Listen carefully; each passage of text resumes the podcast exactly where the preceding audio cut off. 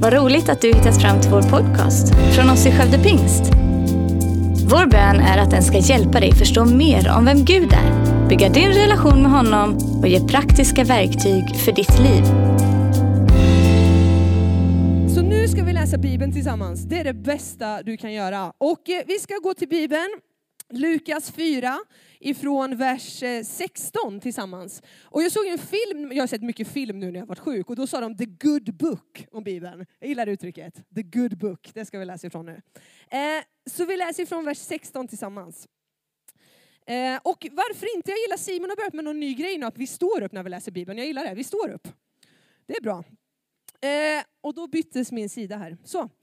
Sex, vers 16, Lukas 4. Så kom han till Nasaret, alltså Jesus, där han hade vuxit upp.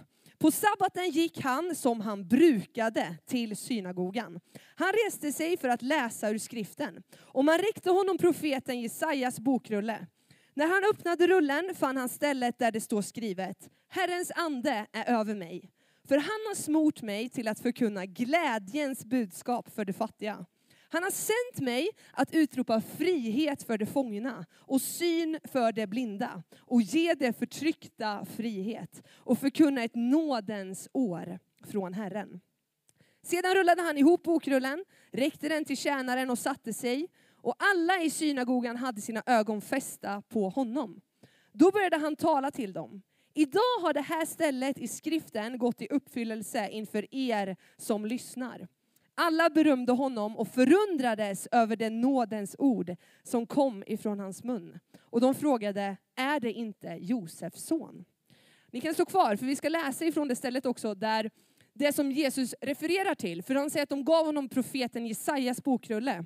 I Jesaja kapitel 61, vers 1-2, så står det just så här. Herrens Guds ande är över mig för Herren har smort mig till att förkunna glädjens budskap för de ödmjuka. Han har sänt mig att förbinda dem som har förkrossade hjärtan och utropa frihet för de fångna och befrielse för de bundna. Att förkunna ett nådens år från Herren och en hämndens dag från vår Gud att trösta alla sörjande. Amen. Varsågod och sitt ner. Jag tycker det är så nice när man får, liksom får in sammanhanget, får både läsa i nya och gamla testamentet. Men ett nådens år, det är goda nyheter som Jesus kommer med till synagogan i Nasaret. Och oavsett hur vi känner att det här året har varit eh, och hur vi känner inför att det kommer ett nytt år, så kan vi få bjuda in han som säger att han vill komma med ett nådens år. Han som vill komma med goda nyheter. Vi kan få välkomna Jesus in i våra liv för första gången. Vi kan få välkomna honom på nytt. Men vi kan också få välkomna honom till områden i våra liv där vi ännu inte har gett honom tillträde. Där kan han få komma med ett nådens år till oss. Och Jag vet inte om ni vet vad Jesus menar när han säger ett nådens år. Eh, för att förstå det här så behöver vi titta i Gamla Testamentet. Och som jag sa innan, jag älskar Gamla Testamentet. För Gamla Testamentet hjälper oss att förstå vem Gud är.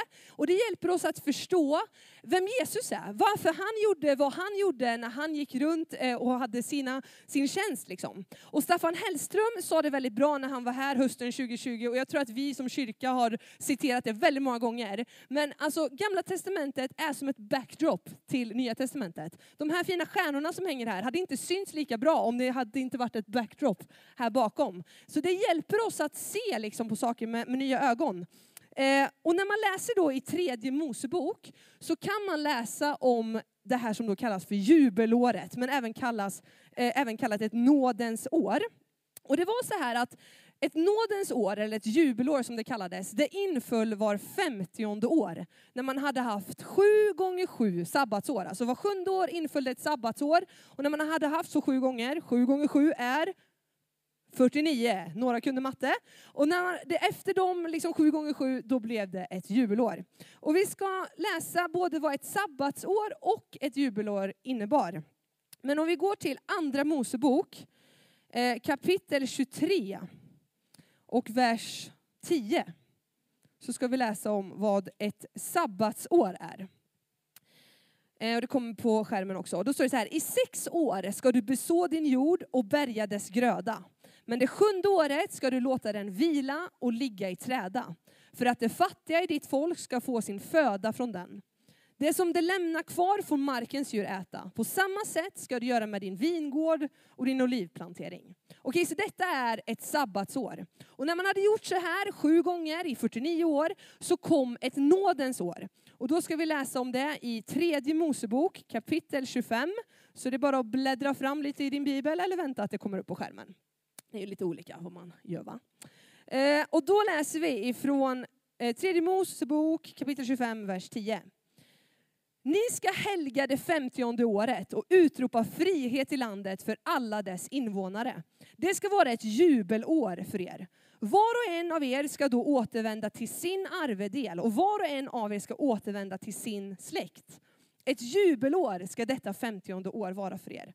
Då ska ni inte så något och det som växer upp av spillsäden ska ni inte skörda. Och ni ska inte samla in druvorna från era oskurna vinstockar, för det är ett jubelår. Heligt ska det vara för er. Av markens egen avkastning ska ni få er föda.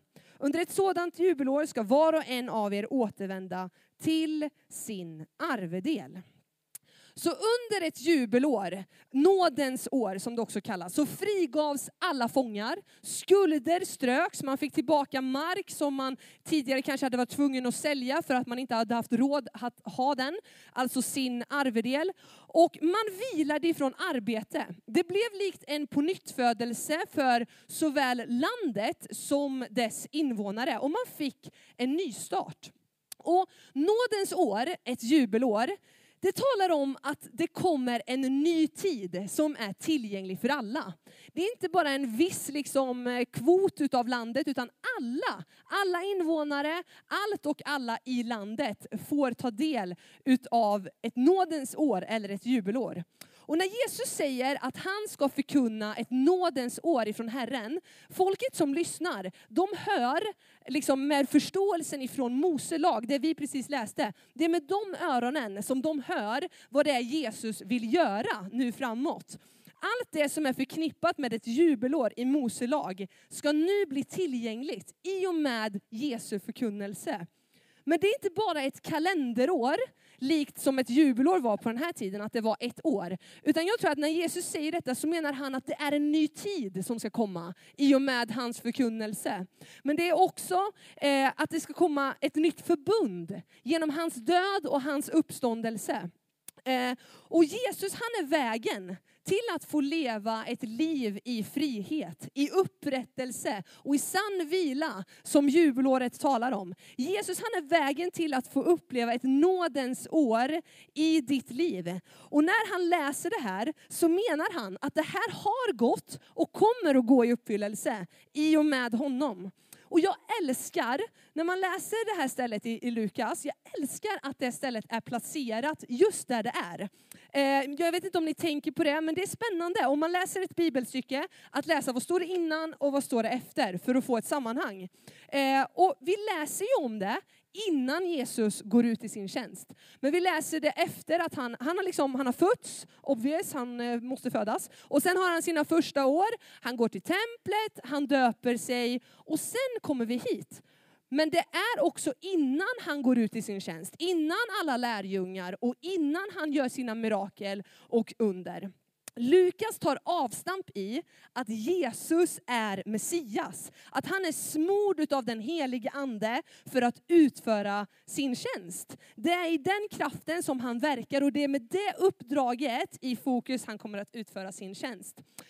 Så ett nådens år, ett nådens år, det är de goda nyheterna. Och jag skulle vilja stanna upp idag vid det som Jesus säger i vers 18 och 19. För att inse vad är det som det här säger till oss idag. Där det står att Herrens ande är över mig, för han har smort mig till att förkunna glädjens budskap för de fattiga. Han har sänt mig att utropa frihet för de fångna och syn för de blinda. Att ge de förtryckta frihet och förkunna ett nådens år från Herren. Det första som Jesus säger när han vill att han ska förkunna ett nådens år, är att han vill ge glädjens budskap till de fattiga. När man läser i Bibeln eh, om den heliga andes frukter så är de två första kärlek och glädje. Och i första Johannes kapitel 4 eh, och vers 16 så säger Bibeln att Gud är kärlek. Och när vi får uppleva hans kärlek så upplever vi också en glädje som går över allt förstånd.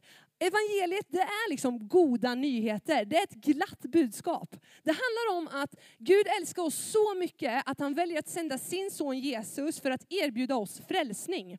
Han vill erbjuda oss att vi kan få stå rättfärdiga inför tronen och han erbjuder oss att få ta del av ett, liksom ett heligt arv, att vi får, får ha en del i evigheten tillsammans med honom. Och det är någonting stort. Och om vi känner oss fattiga, om vi känner oss fattiga ekonomiskt, själsligt eller andligt, så säger Gud att han har en annan sanning för oss. Självklart kan våra omständigheter se olika ut, eh, men det som Jesus säger det är att han vill komma med ett glädjens budskap till de fattiga. Eh, och Jesus han vill ge oss något som den här världen inte kan ge oss. Han vill ge oss ett annat rike, att vi får vara bärare utav någonting annat. Och att vi helt enkelt, att vi får ta emot att Gud han vill ge oss något som står över våra omständigheter och vill ge oss en glädje som består oavsett vad vi möter. Matteus 5 och 3 säger att saliga är det som är fattiga i anden, för de tillhör himmelriket. Hur underbart är inte det? Gud ger oss en glädje som blir våran eh, rikedom, oavsett hur vårt liv ser ut. Vi är bärare av ett annat rike, som jag tror att vi ibland inte visste att vi behövde, förrän vi har upplevt det.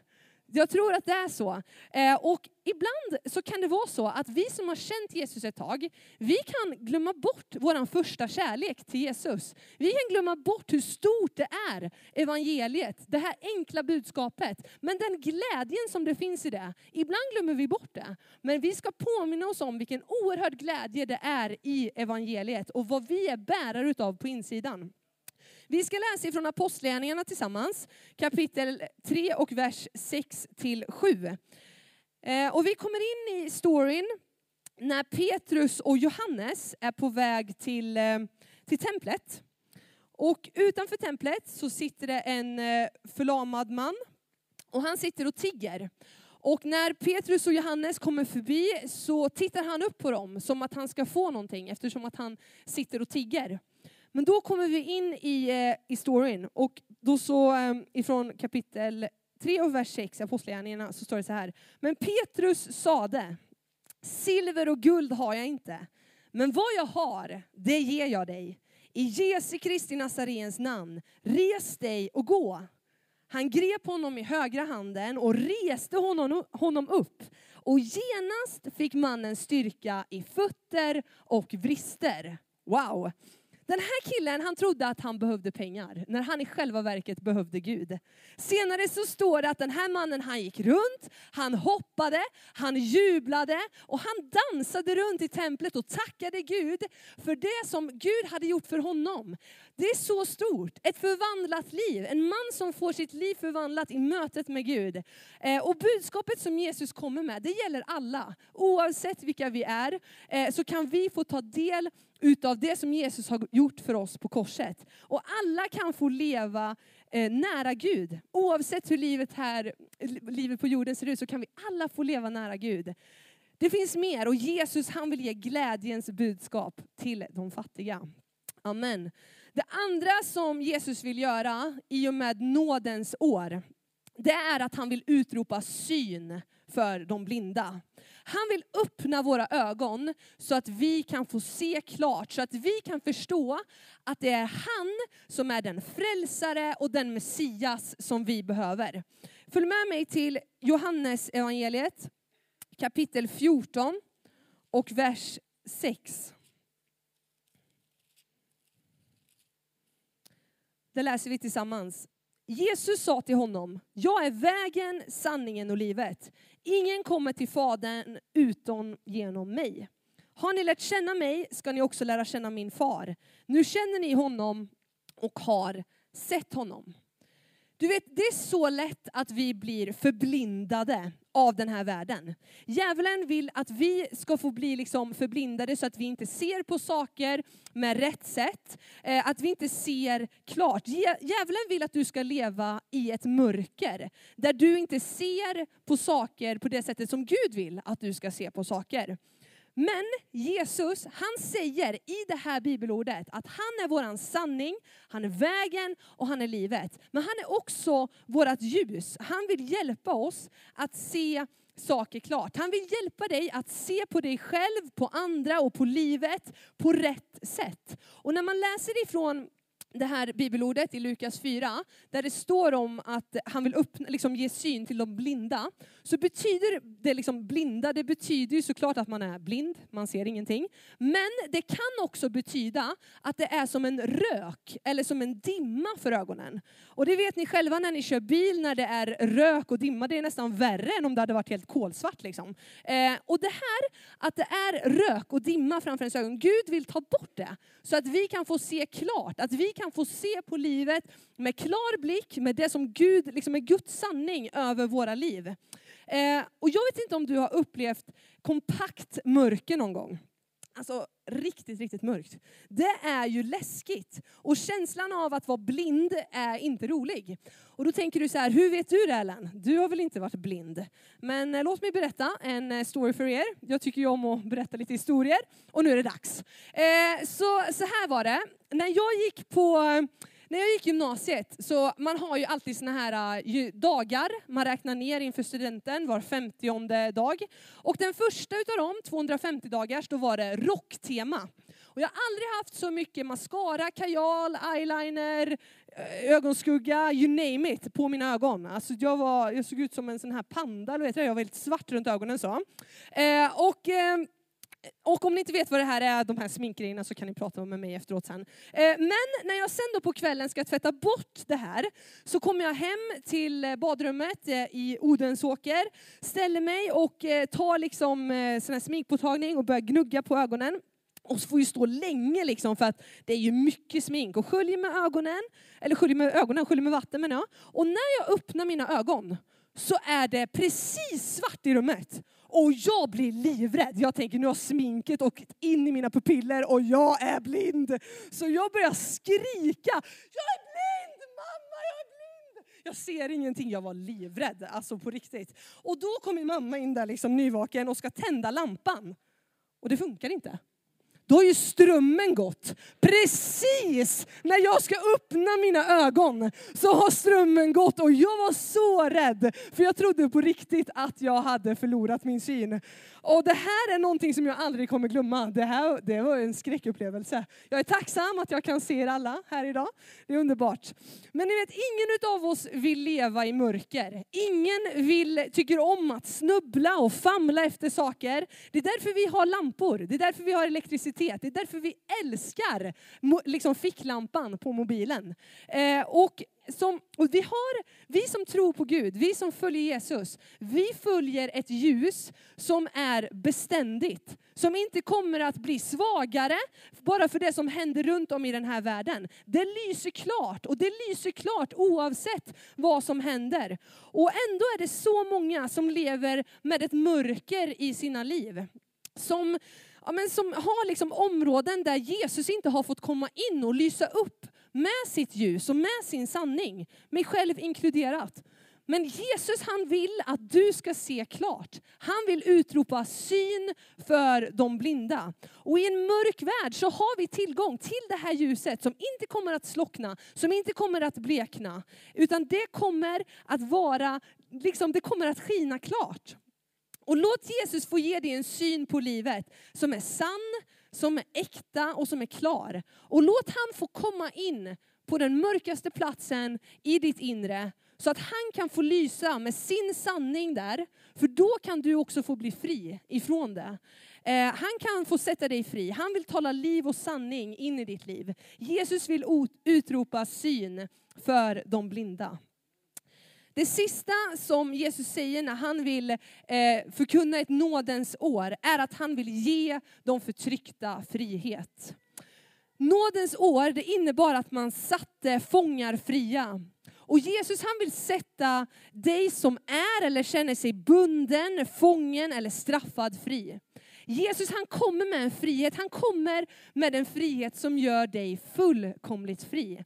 De som är förtryckta, de som är bundna, de som är tyngda, de som är plågade, de vill liksom Jesus utropa frihet för. Och Jesus frihet, den är inte lik den här världen. För många gånger så är den här världens frihet att vi kan göra vad vi vill och när vi vill, hur vi vill. Men många gånger så leder det oss in i ännu mer bundenhet. Och Jesus frihet, den är större än så. Jesus frihet handlar om att ta emot honom som säger att han är vägen, sanningen och livet. Att våga säga ja till honom och att följa honom. För när vi gör det så kommer han att sätta oss fria. För att han har sagt att han är vägen, sanningen och livet. Och hans frihet den kommer att sätta oss fria både till ande, kropp och själ.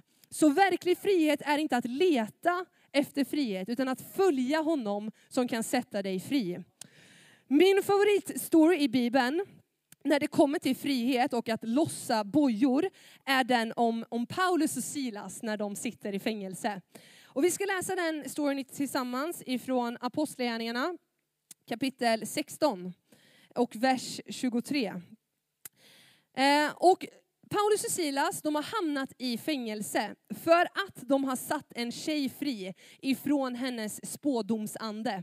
Eh, och när hennes herrar ser att eh, oj, oj, nu kommer vi inte få tjäna så mycket pengar på henne längre, för att hon inte kan spå in i framtiden, så blir ju de arga och de börjar att anklaga Paulus och Silas och de hamnar i fängelse. Och då ska vi läsa ifrån eh, kapitel 16 och vers 23, vad det står där. De fick många rapp och kastades i fängelset och fångvaktaren fick befallning att bevaka dem noga. När han nu fick en sådan befallning satte han dem i den innersta cellen och låste fast deras fötter i stocken. Vid midnatt var Paulus och Silas i bön och lovsång till Gud medan fångarna lyssnade på dem. Plötsligt kom ett kraftigt jordskalv så att fängelset skakades i sina grundvalar. I samma ögonblick öppnades alla dörrarna och allas bojor lossnade och föll av. Wow! Paulus och Silas, de sjunger lovsång till Gud. Och Gud han sätter dem fria ifrån fysiska bojor. Och jag vet att Gud kan och vill sätta dig fri ifrån vad som helst som vill hålla dig fast och bunden. Men det första steget mot att få komma in i den friheten är att faktiskt ta ett steg in i den friheten som Gud vill ge dig. Att våga följa Jesus. Du vet, det kommer inte alltid vara enkelt. Men din frihet tyckte Jesus var värd att dö för. Så våga kämpa för den. Våga kämpa för den tills du känner att du har den där friheten som Bibeln talar om. Och ta fighten om din frihet. Jag stod här för ett år sedan och predikade om att frihet från mitt förflutna. Jag vet vad det är att behöva ta fighten om sin frihet. Det är inte lätt, men det är värt det. Varenda bön, varenda lovsång, varenda rop till Gud är värt det. För han kommer att sätta dig fri. Jag vet det. Jesus han har satt dig fri, han har klippt av alla kedjor, alla band som vill hålla dig fast och bunden eller förtryckt. Så jag vill uppmuntra dig, börja leva i det. Det är det som nådens år handlar om, det är det som jubelåret handlar om. Tacka Gud, prisa Gud för det han har gjort på korset. Skaka av dig kedjorna och res dig upp, skaka av dammet från knäna och börja gå. Det finns en frihet för dig.